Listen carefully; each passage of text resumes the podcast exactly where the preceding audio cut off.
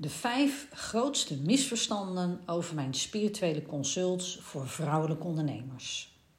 Welkom bij deze podcast. Mijn naam is Nathalie van Dam en als coachend paragnost en medium begeleid ik vrouwelijke ondernemers die tegenslag ervaren.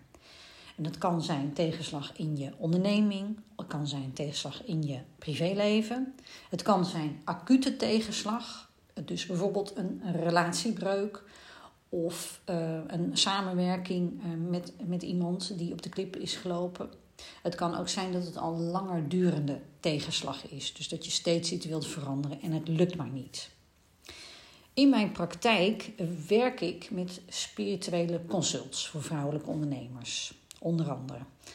En heel veel vrouwelijke ondernemers die willen wel zo'n consult. Ik spreek heel veel vrouwelijke ondernemers. Die geven aan, ik wil wel zo'n consult. Um, en dan komt er een maar. En die maar is gebaseerd op een aantal um, misverstanden, een aantal ideeën over hoe zo'n spiritueel consult zou zijn. En daar wil ik uh, wat duidelijkheid over geven. Hoe dat bij mij werkt, hoe die spirituele consults in ieder geval bij mij werken. En dat doe ik omdat ik. Um, omdat als jij het gevoel hebt, ik zou dat eigenlijk wel willen, en dat merk ik dan vaker, dat mensen zoiets hebben, oh ja, dat lijkt me eigenlijk wel wat, het zou mij kunnen helpen, maar dat je het niet doet omdat je er iets over hebt gehoord of gelezen, over zelf een eerdere ervaring hebt gehad met een paragnost die niet fijn was, dat dat dan zo zonde is. Dus de vijf grootste misverstanden over mijn spirituele consults voor vrouwelijke ondernemers. Daar komen ze. Nummer 1. Ik ben zo bang dat jij allemaal enge dingen voor me doorkrijgt. Dus dat ik een ongeluk ga krijgen of een enge ziekte. Of uh, dat ik nooit een relatie ga krijgen. Of nou, noem het allemaal maar op. Zo werkt het niet. Gelukkig niet. Wat ik voor jou doorkrijg is namelijk altijd heel erg liefdevol bedoeld om jou verder op weg te helpen. Want stel je nou voor dat ik allemaal ellendige dingen over jou door zou krijgen. Hoe zou jij dan je leven gaan leven? Dan ga je leven vanuit angst. Dan ga je leven zo met een schuin, schuin oog naar boven, waar dan zo'n virtueel zwaard van Damocles hangt, dat elk moment naar beneden kan sodemieteren. En leven vanuit de angst, dat is alsof je aan het rijden bent met de handrem. Nou, dat heb ik wel eens gedaan. Uh, dat is niet handig, kan ik je vertellen. Dus dat wil je helemaal niet. En dus daarboven, uh, zo noem ik ze eventjes, hè, dus, dus daarboven, waar ik de informatie voor jou doorkrijg, daar weten de helpers, jouw helpers, die weten exact wat jij uh, wat jij nodig hebt om, om verder te kunnen. En dat mag ik ook voor jou doorkrijgen. Ik, ik krijg niet um, alles wat er maar is voor jou door. Ik krijg door dat wat jij op dat moment bedoeld bent door te krijgen. Dus dat wat jij op dat moment nodig hebt om verder te kunnen op jouw levenspad. Dus dat is mijn ervaring met hoe het werkt. Ik heb dat echt nog nooit meegemaakt dat ik allemaal nare, griezelige dingen voor iemand doorkrijg. Wat ik bijvoorbeeld wel kan doorkrijgen, ehm, maar dat is heel vaak iets wat, al, wat je zelf eigenlijk al aanvoelt. Is als je mij bijvoorbeeld iets vraagt over ehm, nou, een samenwerkingspartner waar je niet zo'n lekker gevoel bij hebt, of een medewerker waar jij je twijfels over hebt Um, of nou, een beslissing waar je voor staat, waar je een beetje buikpijn van hebt. Dan vertel ik jou eerlijk en duidelijk wat ik daarbij doorkrijg. En uh, dat kan zijn dat dat niet altijd heel erg leuk is natuurlijk. Alleen dat is vaak iets wat jij dus zelf ook al hebt voorvoeld. De meeste vrouwelijke ondernemers die ik spreek, die zijn zelf ook sensitief. En ik noem het maar even zo, sensitief. Wij hebben allemaal, iedereen is sensitief. Vanaf, vanaf je geboorte, ook jij bent sensitief. Alleen de mate waarin hè, en in hoeverre je er nog mee in contact bent, hè, dat verschilt vaak. Maar in de basis ben je sensitief. Dus wat ik voor jou door mag krijgen, dat is altijd bedoeld om jou verder op weg te helpen. Nou, tweede misverstand, wat ik uit de weg wil ruimen. Ik weet precies wanneer er iets voor jou gaat gebeuren. Dat is een groot misverstand. Want daarboven kennen ze namelijk geen tijd. Tijd is iets wat wij hier op aarde hebben uitgevonden. Horloges, klokken enzovoorts. Ooit uh, is de secondenwijze in het beeld ook gekomen omdat de treinen op tijd moesten gaan rijden. Ja, je kan het je misschien nu niet voorstellen, maar het is echt zo. Dus tijd is iets wat, wat wij hier op aarde hebben bedacht. Maar daar waar wij vandaan komen, daarboven ook, waar de informatie vandaan komt die ik voor jou doorkrijg, daar kennen ze geen tijd. Maar ik krijg heel vaak vragen over, hè, als ik dan iets voor je doorkrijg, ja, wanneer gaat dat dan gebeuren? En dat snap ik. Hè. Ik ben ook gewoon een mens en ik wil dat ook het liefste weten. Alleen de vertaalslag naar wanneer iets gaat gebeuren voor jou, die vertaalslag die kan ik niet maken. Precies om de reden die ik net benoemde. Dat ze daarboven geen tijd hebben. En ik ga je een voorbeeld geven. Ik krijg ook voor mijzelf eh, informatie door, gebeurtenissen door enzovoorts. En ik heb dat een hele tijd lang is voor mezelf ook opgeschreven. Ook om van te leren, voor mezelf. En ik kan me nog goed herinneren dat ik op een gegeven moment iets doorkreeg van... nou, binnenkort gaat er dit en dit gebeuren. Nou,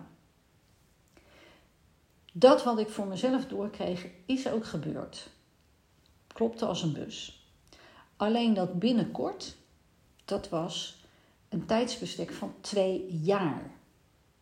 Nou weet ik niet hoe het bij jou zit, maar ik heb zelf een andere beleving bij het woord binnenkort. En daar zit hem dus precies die crux in. dus uh, ik weet precies wanneer iets gaat gebeuren, wat ik voor jou doorkrijg. Nee, dat is een misverstand. Die vertaalslag die kan ik niet voor je maken. Een derde misverstand over mijn spirituele consults voor vrouwelijke ondernemers is dat ik voor jou doorkrijg wat jij moet doen. Vaak genoeg heb ik de vraag gekregen: wat moet ik doen? Maar zo werkt het niet daarboven. En ik zal je ook toelichten waarom dat niet zo werkt. Niet alles in je leven ligt van tevoren al vast. Dat denken wij soms, maar dat is niet zo. Hoe ik het uh, zie en hoe ik het, hoe ik het ook doorkrijg, is dat er bepaalde knooppunten in je leven dat die vastliggen. Jij, ik, wij allemaal zijn hier uh, op aarde gekomen om te leren. Om, om, we zijn een ziel in een, in een aardse verpakking, in een jasje en een lichaam. En we zijn bedoeld om hier bepaalde dingen te, te doen, te leren, te ervaren en daardoor te groeien als ziel. Dat betekent dat jouw ervaringen worden voorgeschoteld. En die ervaringen, sommige ervaringen, die, sommige knooppunten, daar ben jij dus bedoeld om langs te gaan. Dus bepaalde dingen liggen wel vast. Alleen de weg er naartoe, daar heb je heel veel keuze in. Jij hebt zelf ongelooflijk veel keuzevrijheid. Dus je zult van mij ook, ook niet, doorkrijgen, niet doorkrijgen, uh, je moet dit of je moet dat doen. De keuze is altijd aan jou hoe jij omgaat met de informatie die ik van jou door mag krijgen. En eerlijk gezegd vind ik dat een heel fijn idee. Want um, ik hou sowieso niet van uh, als iemand mij zegt wat ik moet doen. Ik weet niet of jij dat ook herkent. Veel ondernemers herkennen dit sowieso. Want waarom zijn we gaan ondernemen? Omdat we die vrijheid ook fijn vinden, toch? Doorgaans. Uh, dus um, ik vind het een heerlijk idee dat je heel veel keuzevrijheid hebt. Dus dat voor wat betreft krijg ik door wat ik moet doen. Krijg ik voor jou door wat jij moet doen. Nee dus. Wel kan ik voor jou doorkrijgen soms heel duidelijk als een bepaalde richting die jij eh, wilt gaan inslaan, als daar bijvoorbeeld haken en ogen aan zitten. Dan zal ik je dat, dan zal ik je dat heel uh, eerlijk en duidelijk aangeven wat ik erbij doorkrijg. En dan nog is de keuze aan jou hoe jij daarmee omgaat. Een vierde misverstand over mijn spirituele consults voor vrouwelijke ondernemers is dat het allemaal maar super zweverig en vaag is. Nou, als er iets is waar ik zelf een bloedhekel aan heb, dan is het super zweverig en vaag. Voor mij is het altijd ontzettend belangrijk dat ik voor jou hele concrete en duidelijke en heldere antwoorden doorkrijg. Ik verplaats me ook altijd aan jou, want, want anders, uh, ja, als het allemaal vaag is, dan heb je er toch helemaal niks aan. Mijn ervaring is dat hoe concreter, hoe specifieker jij mij dingen voorlegt, vragen stelt, hoe specifieker ik daar ook um, informatie en antwoorden over mag doorkrijgen. En op het moment dat het uh, de bedoeling is dat ik er niet te veel, te concreet, te precies over mag doorkrijgen, dan blijft het ook op een bepaald abstract niveau. En dat is niet bedoeld om jou maar te laten gissen maar het is ook bedoeld om jou te prikkelen, zodat jij daar zelf mee aan de slag gaat.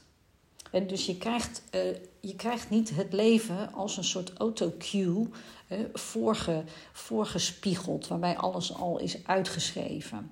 Gelukkig maar. Hè? Dus ook daarin heb jij zelf ook nog heel veel te, te doen en te ontdekken. Hè, maar overal is het super zweverig en vaag? Uh, nee. Want dan zou ik daar zelf ook gewoon helemaal niet blij mee zijn. Dan zou ik dit ook niet doen. En dan alweer het vijfde uh, misverstand over mijn spirituele consults. En dat gaat over het stukje van mijn mediumschap. In een spiritueel consult kun jij ook vragen stellen aan of over overleden dierbaren en een misverstand daarover is dat dat, dat, dat eng en griezelig is. En ik snap het, want het is natuurlijk niet alledaags dat je contact kan hebben met een overleden dierbare. Maar ik zal je wel vertellen over mijn ervaring hierin, in het werken met heel veel mensen.